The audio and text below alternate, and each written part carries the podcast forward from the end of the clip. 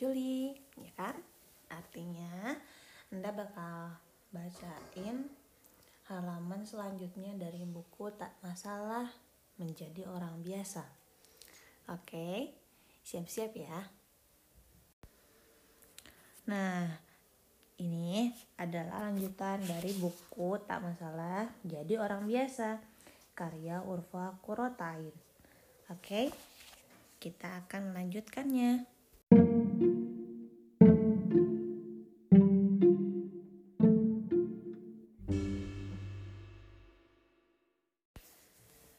Nggak salah paham, saat selesai menulis naskah ini, aku merasa lega.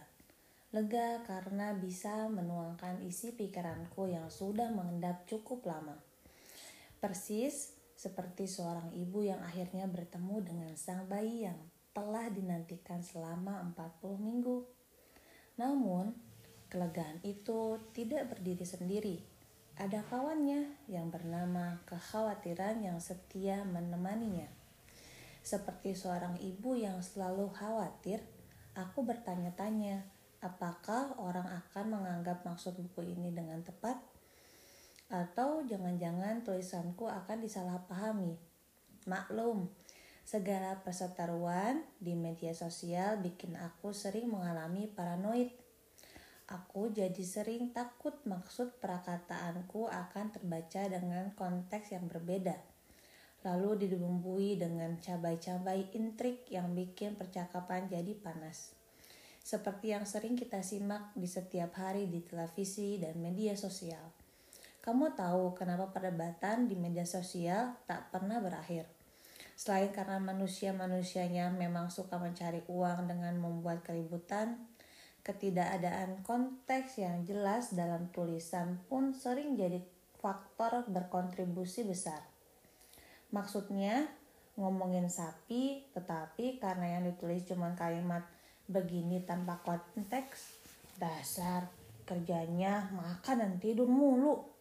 Walhasil orang-orang GR akan berpikir bahwa umpatan itu ditujukan pada dirinya.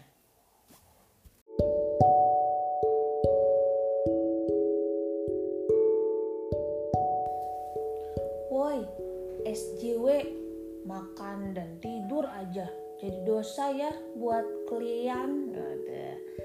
boleh kakak konteksnya kakak pasang satu gratis satu. Maka untuk mencegah hal tersebut izinkan aku menulis konteks dan latar belakang mengapa aku menulis buku ini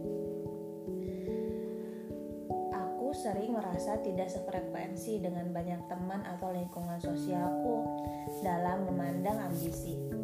Melihat orang yang lain begitu ambisius, sesuatu dalam diriku bertanya-tanya, kenapa aku tak seambisius itu? Sepertinya ada yang salah denganku.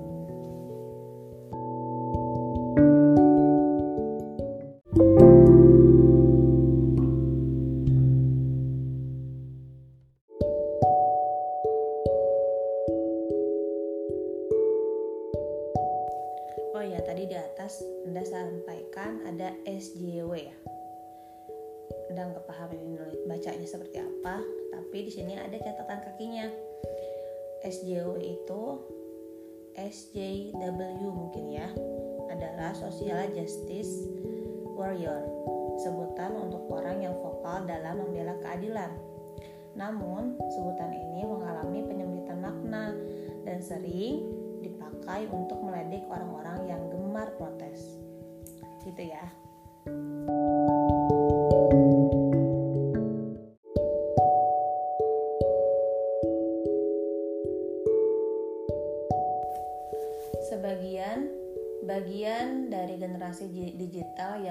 jawaban secara instan, aku pun mencari pencerahan pada si pintar Google. Aku mengetik di kolom pencairan pencarian, is it wrong to have no ambition? Salahkah jika aku tak punya ambisi? Salahkah? Salah enggak sih kalau aku cuma pengen jadi orang biasa? Dan voila, aku menemukan berbagai artikel soal orang-orang tanpa ambisi yang menjalani hidup dengan mengalir. Seperti aku, mereka pun mengalami perdebatan dalam dirinya. Merasa hidup mereka tidak normal. Ternyata bukan aku saja yang merasa berbeda. Ternyata bukan aku saja yang merasa tidak punya ambisi besar. Ternyata aku saja yang ingin menjalani hidup yang biasa saja. Huf, syukurlah ternyata aku tak sendiri. Dari situ aku mendapatkan ide bahwa di dunia ini memang ada orang-orang yang enggak ambisius, enggak punya cita-cita besar, enggak selalu ingin jadi yang terdepan, terkeren, terhebat, terkaya, tercantik, dan berbagai keluar biasaan sejenis itu. Mereka seperti hidup di luar kotak, yang selama ini membentuk cara berpikir yang umum di masyarakat. Cara berpikir yang membuat orang bangun di pagi hari dan berseru, "Ayo, bangun tidur, tempat tinggal di Mars. Ayo, kita buat kereta ini lebih cepat." Kota itu tak cocok bagi mereka. Mereka tak ingin bikin rumah di Mars mereka tak perlu kereta yang ultra cepat. Mereka hanya ingin hidup. Dan yang aku maksud dengan hidup adalah mengalami setiap momen kehidupan dengan penghayatan. Menikmati apa yang ada di depan mata mereka sembari bersiap pada berbagai kejutan yang menantinya. Bagi mereka, menjalani hidup yang biasa-biasa saja sudah membahagiakan. Ya, Tak semua orang adalah pelari di jalur cepat. Ada orang-orang yang lebih suka berjalan santai dan itu bukan suatu masalah. Itu hanya sebuah cara pandang terhadap hidup. Barangkali kita sangat sering menyimak pandangan hidup ala pelari cepat itu. Berbagai motivasi kita dapat dari diri mereka. Tak lupa dengan berbagai kalimat yang membakar semangat. Itu mungkin bagus untuk kita yang membutuhkan dorongan.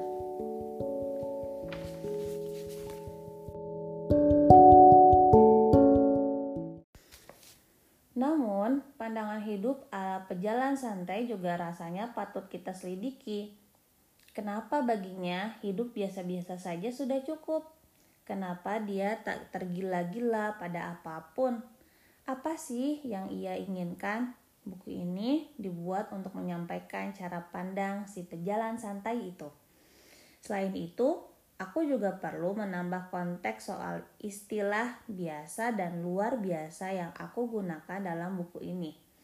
Konteksnya adalah soal status yang kita letakkan kepada seseorang, sesuatu yang melekat di luar diri setiap manusia. Tak dipungkiri, ada status yang dan kondisi yang membuat seseorang disebut luar biasa dan biasa-biasa saja. Apa contohnya? Contohnya, status kekayaan. Ada yang tajir melintir, ada yang buat beli makan aja mesti mikir-mikir. Soal status pekerjaan, ada yang bekerja sebagai bos atau manajer. Ada juga yang bekerja sebagai staff. Soal status sosial, ada yang jadi pejabat penting, ada yang cuman rakyat jelata. Soal kondisi fisik, ada yang cakep dan ada yang biasa saja. Belum lagi soal status-status kekinian macam pemengaruh, influencer, naravlog atau vlogger atau atau youtuber, pemelopor atau founder dan status lainnya yang bisa bikin profil kita mentereng. Itu adalah status-status yang menunjukkan level luar biasa seseorang. Kalau itu ada dalam dirimu, kalau itu ada dalam dirimu, orang lain hampir dipastikan akan melihatmu sebagai orang luar biasa. Sebaliknya, kalau status-status itu nggak ada dalam dirimu, orang lain cenderung akan menilaimu sebagai orang biasa saja. Yang menjadi persoalan bukanlah status-status tersebut, melainkan obsesi kita terhadapnya. Hampir semua dari kita menginginkan hidup yang luar biasa. menjadi orang berpengaruh, berharta banyak, dan disukai banyak orang. Sayang, kita ternyata tak tinggal di sebuah buku yang alur ceritanya bisa kita tulis sendiri. Ada bagian-bagian dari hidup yang perlu kita terima dengan lapang dada. Singkatnya, ternyata sering melempar obsesi kita ke jurang paling gelap, membuat kita hancur dalam sekejap. Kita pun dipaksa untuk pulang pada diri kita yang asli, yang biasa-biasa saja. Saat itu terjadi, apakah kita tetap menerima dan mencintai hidup kita? Jika kita menjadi luar biasa sebagai obsesi, akan ada bagian dari jiwa kita yang terus merasa kurang. Itulah konteks untuk buku ini. Perlu dipahami juga bahwa buku ini tak dibuat untuk membenarkan sifat malas-malas dan asal-asal dalam bekerja bukan pula kampanye untuk melupakan tanggung jawab sebagai pribadi, anggota keluarga, dan anggota masyarakat. Maksudku, menjadi orang biasa bukan berarti tidak berusaha menjadi berguna. Menjadi orang biasa artinya memahami bahwa untuk menjadi berguna, kita bisa melakoni peran-peran yang dekat dan sederhana. Bukan hanya peran-peran yang bombastis, berkilau, dan berpanggung megah. Filosofi yang mendukung semua ide dalam buku ini adalah kenyataan bahwa tanpa berbagi atribut, identitas, dan status, semua orang sejatinya hanya manusia biasa saja. Fakta sederhana itu sering kali tertutupi oleh obsesi tak realistis manusia untuk jadi luar biasa dan sempurna. Ada dinding-dinding tinggi yang manusia bangun atas nama keunikan individu Terkadang dinding itu berupa pekerjaan, jumlah pengikut, jumlah likes, dan jumlah harta. Ironisnya, dinding itu semakin memisahkan manusia satu sama lain. Perasaan senasib dan sepenanggungan yang membuat manusia terhubung selama berabad-abad tergantikan oleh perasaan kalah bersaing, kalah spesial, dan kalah luar biasa. Hidup yang mestinya kita tanggung sebagai penderitaan bersama malah jadi ajang bersaing dan berlomba-lomba. Dan karena itulah kita merasa semakin terasing. Hanya ada satu cara yang bisa membuat kita tetap terhubung, meski dinding-dinding itu semakin tinggi, yaitu menyadari bahwa kita semua sama-sama manusia biasa. Aku berharap Buku ini bisa mengeratkan kembali tali kemanusiaan kita dan menjadi teman bagi siapa pun yang tengah merasa sendiri di luar sana. Seperti aku yang kerap mencari jawaban di Google. Aku harap saat orang lain merasa diri mereka tertinggal sendirian dan mengetikkan pertanyaan itu di Google, mereka akan menemukan buku ini, membacanya dan berkata, "Wah, rupanya aku tak sendirian." Oke, bagian itu udah beres ya teman-teman. Insya Allah kita akan uh, bacakan lagi segmen selanjutnya di tanggal 8. Doakan ya semoga istiqomah dan semoga bermanfaat buat teman-teman semua. Ini nggak akan dibaca semua ya. Setidaknya bisa jadi referensi teman-teman buat baca buku. Semangat ya!